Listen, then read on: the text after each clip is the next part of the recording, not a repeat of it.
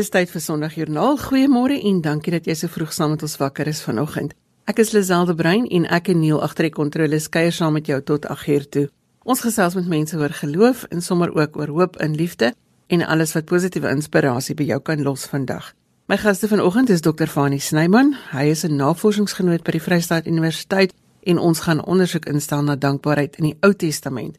Die maatskaplike werker Louise Spies vertel van die krisissentrum wat sy bestuur en Erna Reder van Famnet gesels met ons oor gesinne, veral met die oog op ouers wat deesdae van die huis af werk. Christe Beer gesels met ons oor beroepsverandering en dit is ook met die oog op mense wat nou in hierdie inperkingstyd hulle werk verloor het en 'n ander rigting moes inslaan. 'n Volprogram met stories wat fokus op verhoudings en dankbaarheid vandag en daar's ook plek vir jou storie. Jy kan vir ons SMS by 45889. Dit kos R1.50 per SMS en jy kan ook saamgesels op Facebook by Sondagjoernaal se blad.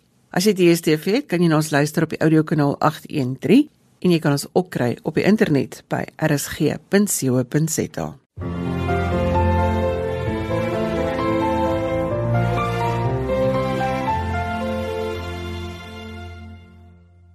Louise Spies is 'n maatskaplike werker, maar ook die bestuurder van die Living Network Krisissentrum by Vredelust Gemeente en ons hoor vandag wat hulle doen. Goeiemôre Louise. Goeiemôre Jesel en goeiemôre almal wat in luister. Dit is so lekker om jou hier by my in die ateljee te hê, 'n bietjie meer gesiggies te sien. Hoe het Living Network Krisissentrum ontstaan?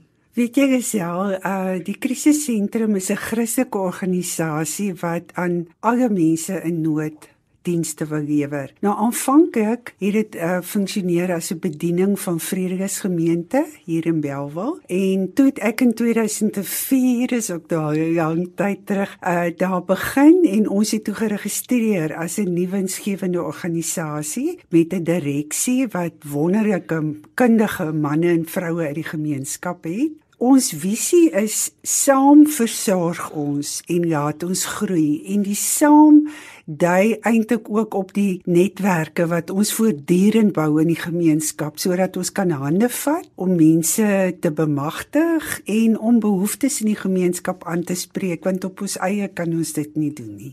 Wat was vir julle die uitdagings in die inperkingstyd? Iemand vra nou die dag vir my, is dit alwaar ons kan praat, maar ek dink die inperkingstyd het ons baie dinge geleer. Absoluut. Ehm um, Maandag die 4de Mei 2020 het ek en my administratiewe assistent het ons die kantoor binne gestap en dit het gevoel asof ons op 'n eiland is want daar was niemand rondom ons nie. En Ek moes toe natuurlik dadelik die permitte kry sodat ek kan rond beweeg en kos aanry en so aan en onsself beveilig. Ek het um Einde April het ek reeds besef as ons moet begine werk, gaan daar 'n kosnood wees. So, ek het hierdie sop resep deurgegee op ons gemeente nuusbrief en die wensies in die rys en die sopmengsel en onmiddellik het mense fondse inbetaal. Uh party het na vore gekom en gesê, "Hoerie, ons gaan sop kook." En um ja, en dit was wonderlik en Toe ons nou by die kantoor kom, toe stroom die versoeke in van gesinne wat kos benodig via WhatsApp, via sosiale media. En ehm um, daar was VR sit wat ons hier in Belwe het wat 'n vernoot is in ons netwerke van ons skatbare waarde want hulle het meer vervoer en meer personeel. So ons het toe so 'n uh, werkswyse uitgewerk. Ek gaan koop die kruideniersware en die groente en die goed aan. Hulle stuur hulle versoeke wat hulle gekry het deur. Ek doen telefoniese assesserings, uh probeer die gesinssamestelling uitvind en en die ouderdomme en waar die mense se bly en dan kom haal hulle die pakkies wat nou gepak is. Ek het ook die bevrore sop wat ons gemeentelede gekook het nou gaan opraai want ek het mos nou die permit en dan het vir sit dit uh, uitgery.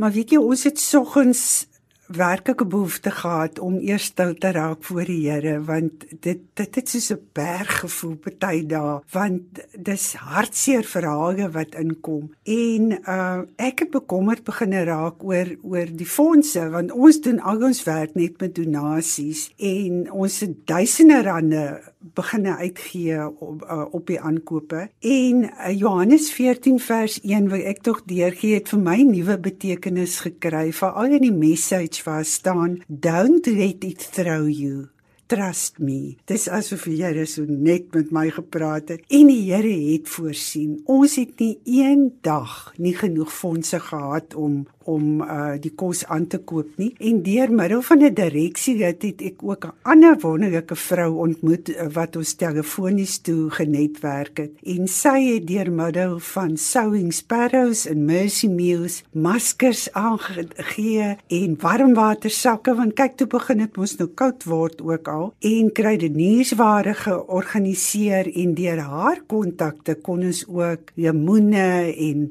appels kry wat ons by die kospakkies kon ingesit het. Maar te midde van al hierdie kosreëlings en uitry en hartseer verhale het ek op 'n dag net besef maar ek voel soos 'n dam wat net uitloop het en ek moet kyk dat my brandstofdenkie vol is. Anders gaan ek op die ou ene vir niemand iets beteken nie. En wat vir my so wonderlik was, die oggend, jy foon en dis een van my gemeente se predikante wat eh, oor iets wou praat en ek het seker vir hom 'n bietjie oorweldig geklink en hy sê vir my kan ek vir jou bid hoe gaan dit met jou en ehm um, ja hy het vir my oor die foon gebid en ehm um, dit was net vir my baie wonderlik.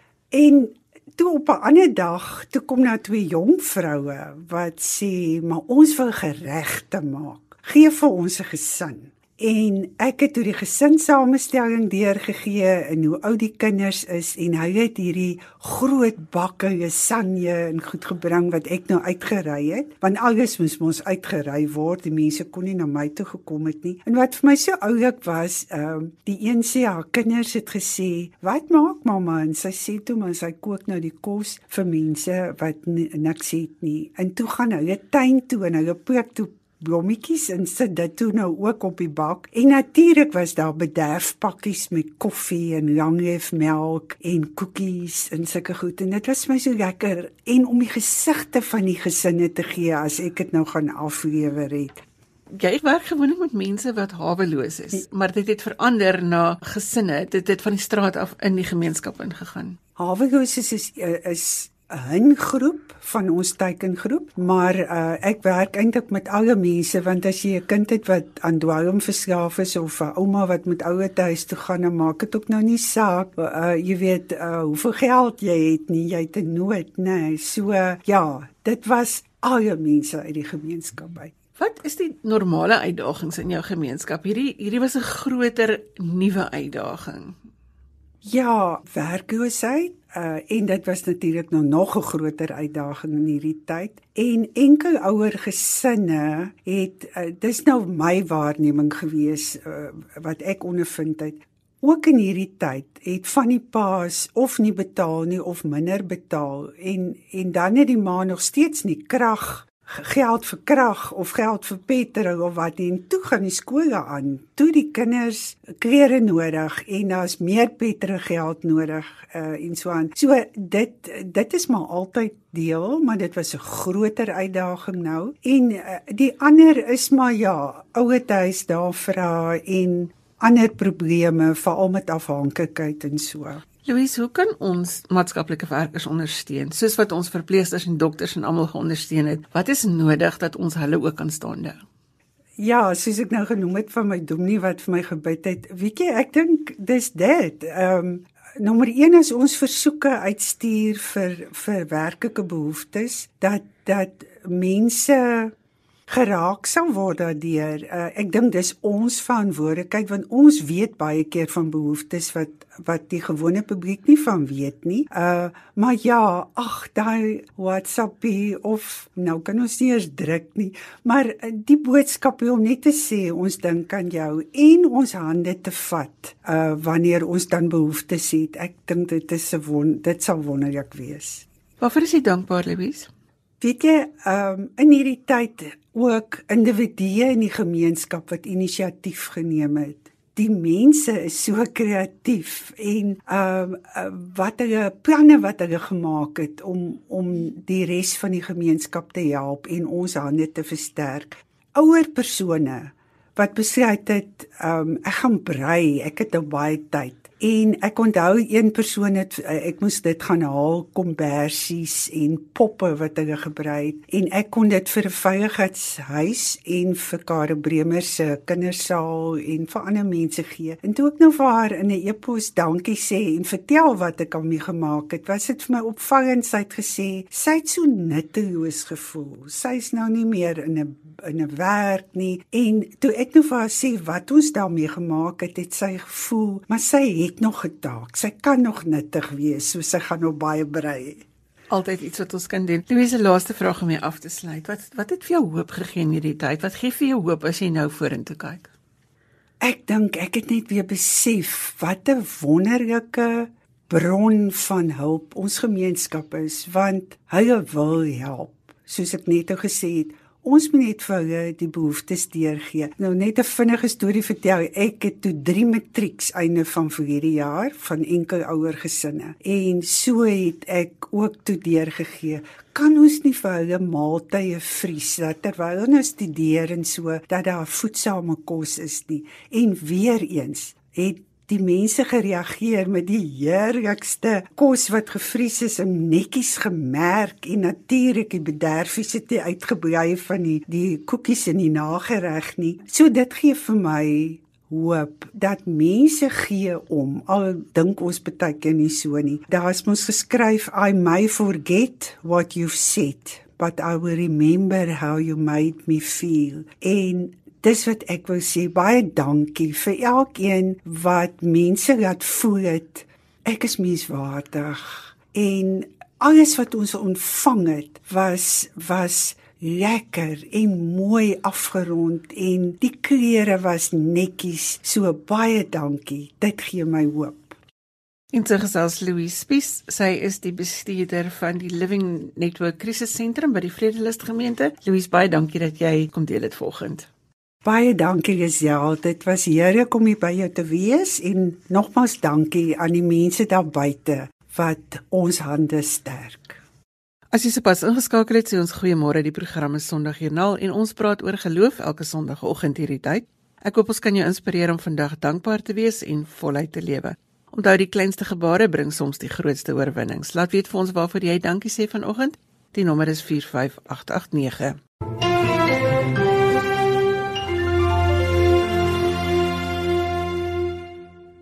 Ons leef in 'n tyd waar baie dinge vir baie mense verander het. Mense het hulle werk verloor en party mense se werk was net nie meer nodig of relevant nie. Mense moes dus 'n kopskuif maak om nuut na hulle omstandighede te kyk. Nou, Christe Beer het self so 'n reis ondergaan en ons hoor by hom hoe sy reis verloop het. Goeiemôre Chris. Goeiemôre Lisel. Jy's eintlik Dominee Christe Beer. Vertel ons so 'n neete dop van jou agtergrond.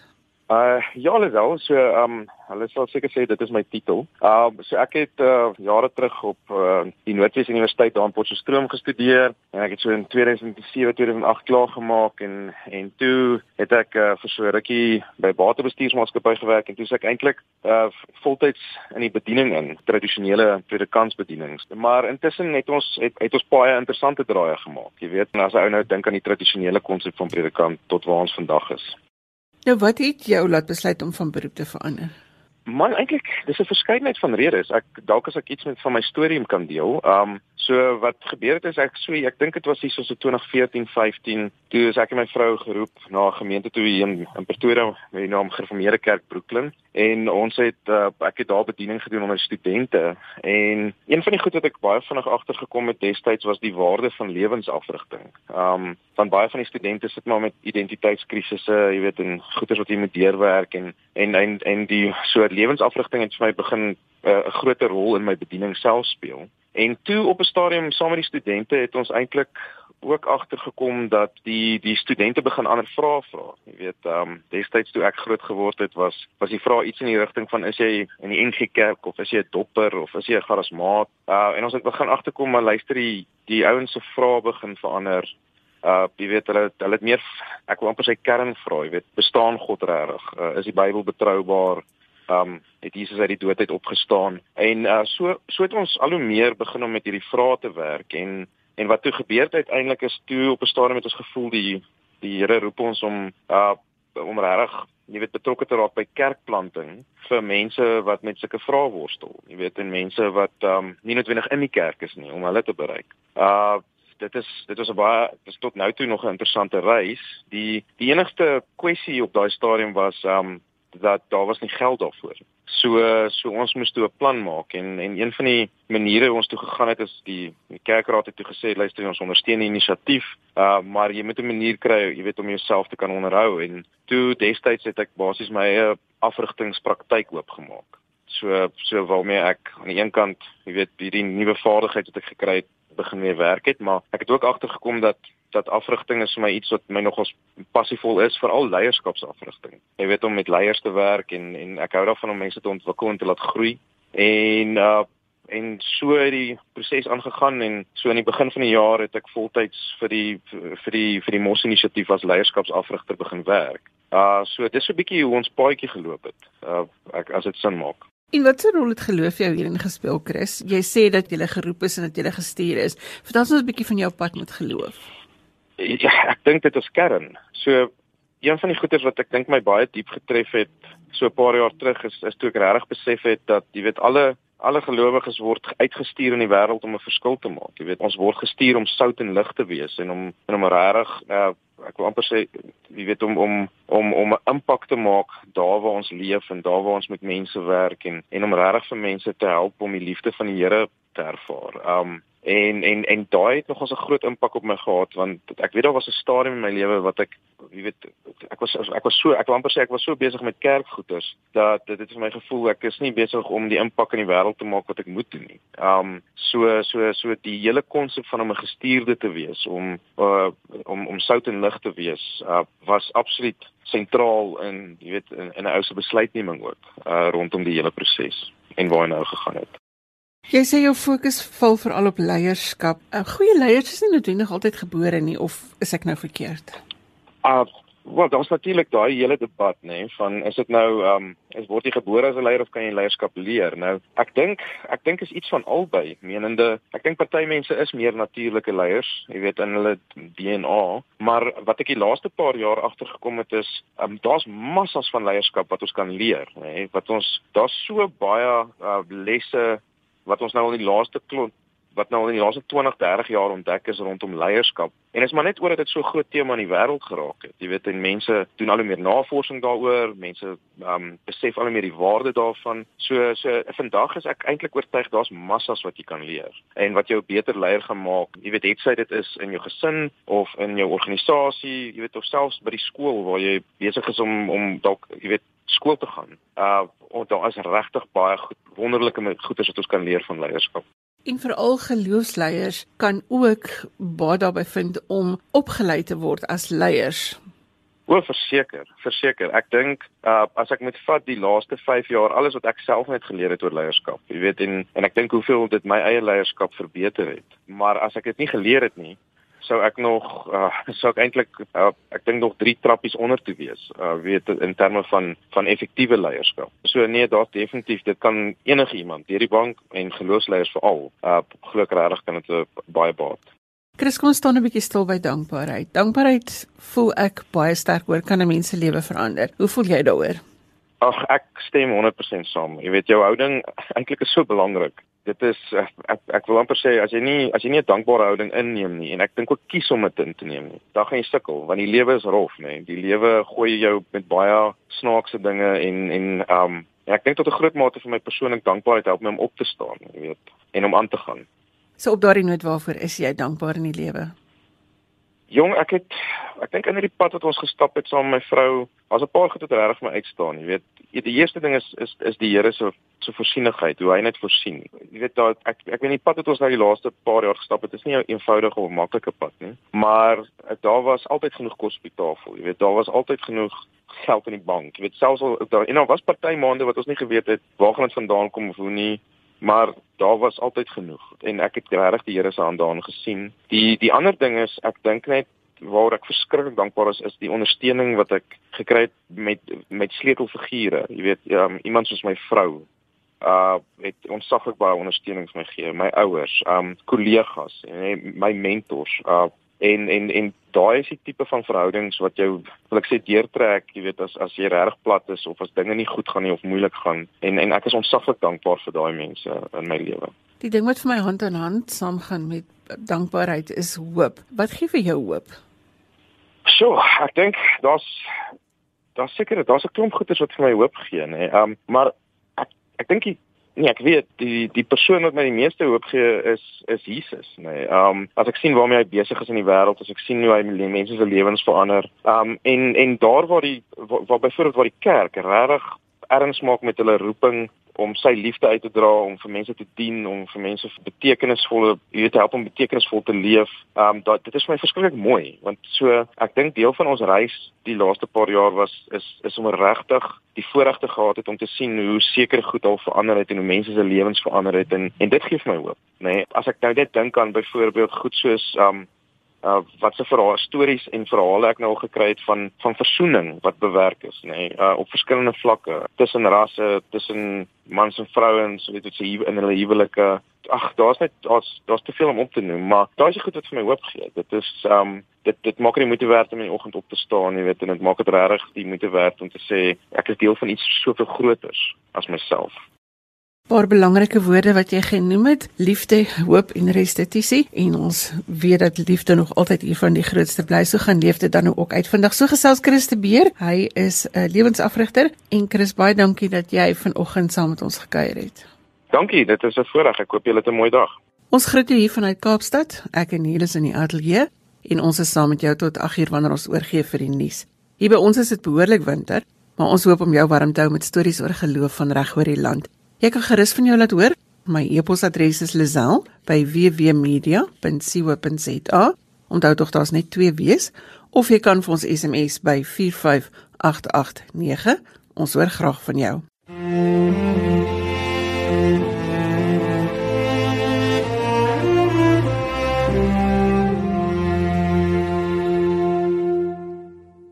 Erna Reder is koördineerder by SAVF Famnet en met die fokus op gesinne die maand gesels ons oor gesinne en tegnologie. Goeiemôre Erna. Môre Lisel en dankie weer vir die kans om hier te wees. Die afgelope jare het tegnologie vir ons wonderlike deure oopgemaak in die tye wat ons deur COVID-19 se regulasies was. Dis maklik nou om by die huis te werk. Wat beteken dit vir 'n gesin?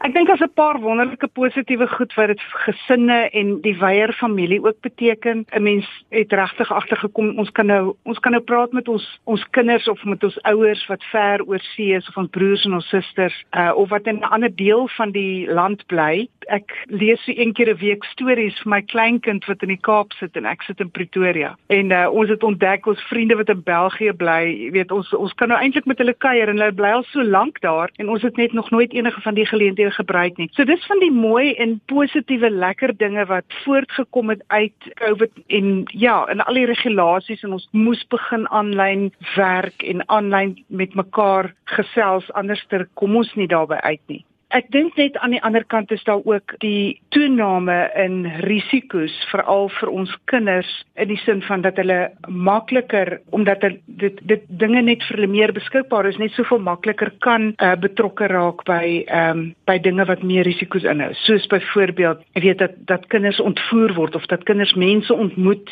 wat hulle andersins nooit sou ontmoet nie mense wat hulle voordoen as iemand anders as wat hulle reg is en vir hulle gevare inhou. Wat blootgestel word aan pornografie pornografie en aan dit is dit is iets nog altyd daar was maar maar nou is dit amper nog meer toeganklik. So dit het regtig meer as een kant, maar ons kan net nie ophou om ons kinders dan ook te beskerm en te bemagtig om tegnologie beter te kan gebruik nie. Wat dink jy is ouers se verantwoordelikheid te midde van tegnologiese moontlikhede vir die kinders?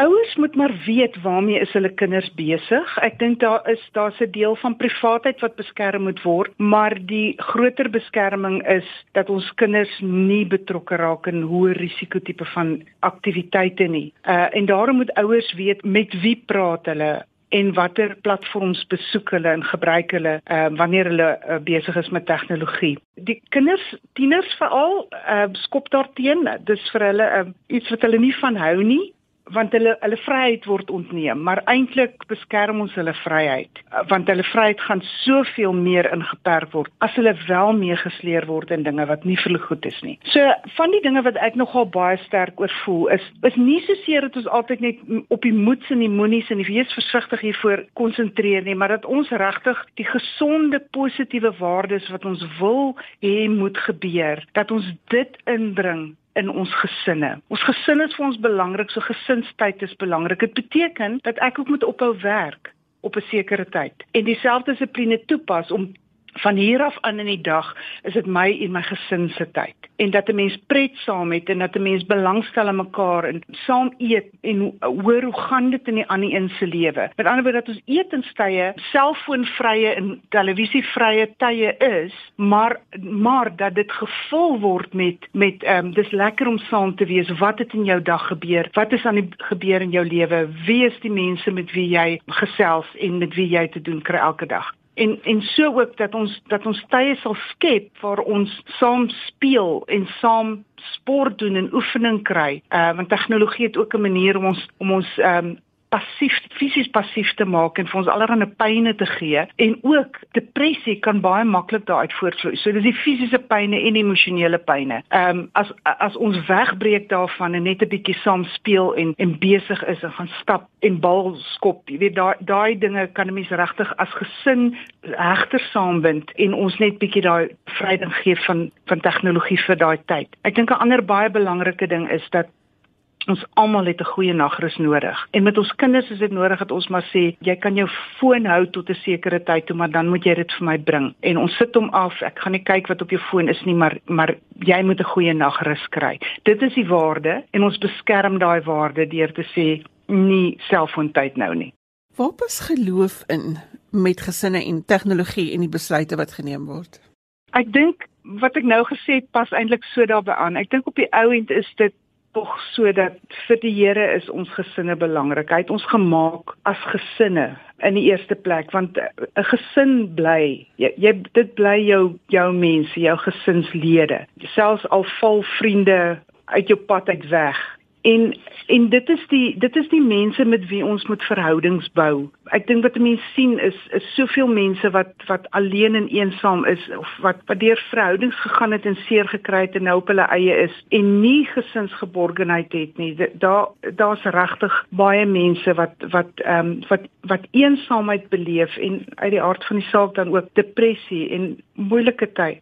Maar ek dink ons geloof kom daarin ook dat ons dat ons doen wat die Bybel sê en dit is dat ons bou aan ons gesinsverhoudings. Dat ons dit eers stel dat ons liefhet vir mekaar en mekaar leer ken en ondersteun. Ons leef dit uit in ons gesin in die eerste plek. Ja, en dit dit is ek dink dit is dis ons geloofs uh, komponent hiervan.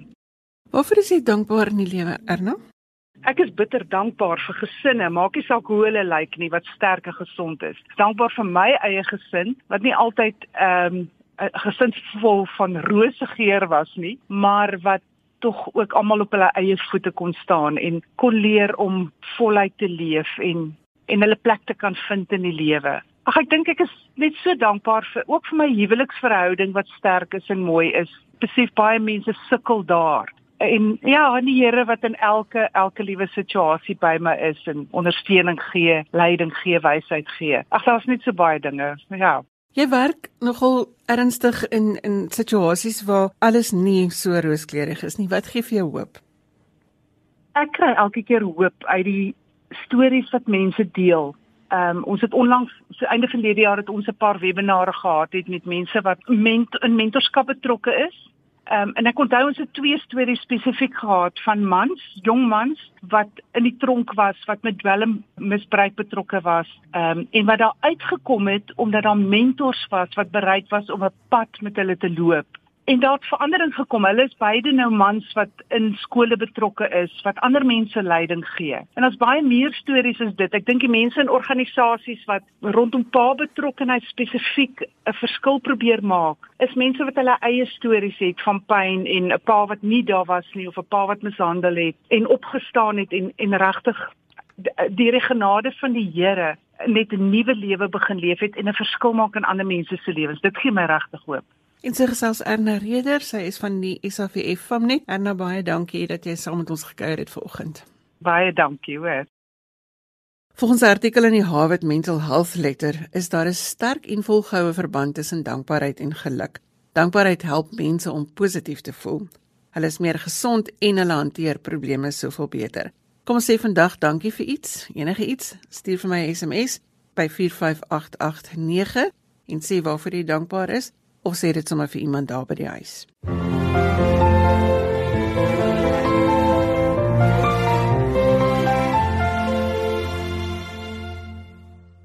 Professor Fanny Snyman is navorsingsgenoot by die Vrystaat Universiteit en vanoggend vra ek dat hy vir ons vanuit die Ou Testament gesels oor dankbaarheid. Goeiemôre Fanny.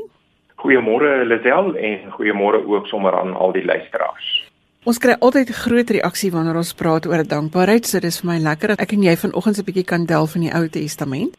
Ek wil vir jou vra hierdie Ou Testament vir ons iets te sê oor dankbaarheid.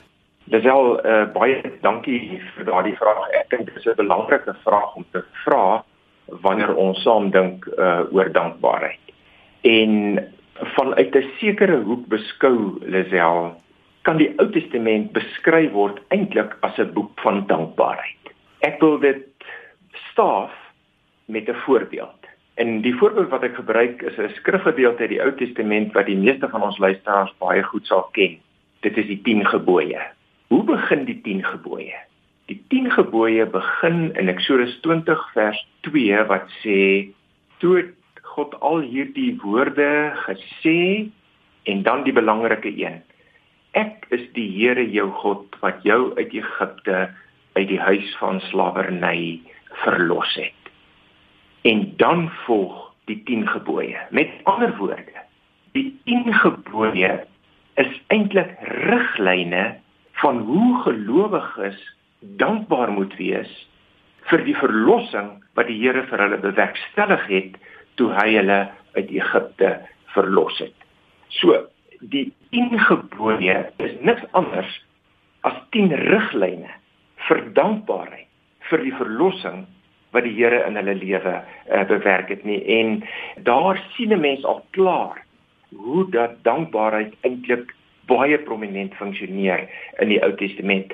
En in die res van die eerste 5 boeke van die van die Ou Testament, ehm um, Exodus, Levitikus, Numeri, Deuteronomium, daardie boeke met al daardie reëls en regulasies en stipulasies is eintlik niks anders as verdere toeligting, as verdere riglyne van hoe om vir die Here dankie te sê vir die verlossing wat hy vir hulle sy volk bewerk het nie en die dankbaarheid mond uit in die regte aanbidding van die Here en in die manier waarop gelowiges mekaar op horisontale vlak eh liefhet. Dis die dis die een voorbeeld wat ek wil gee. Die ander voorbeeld Lisel kom ook uit 'n uh, deel van die Ou Testament wat ek dink uh, die luisteraars baie goed sal ken en dit is die die Psalms.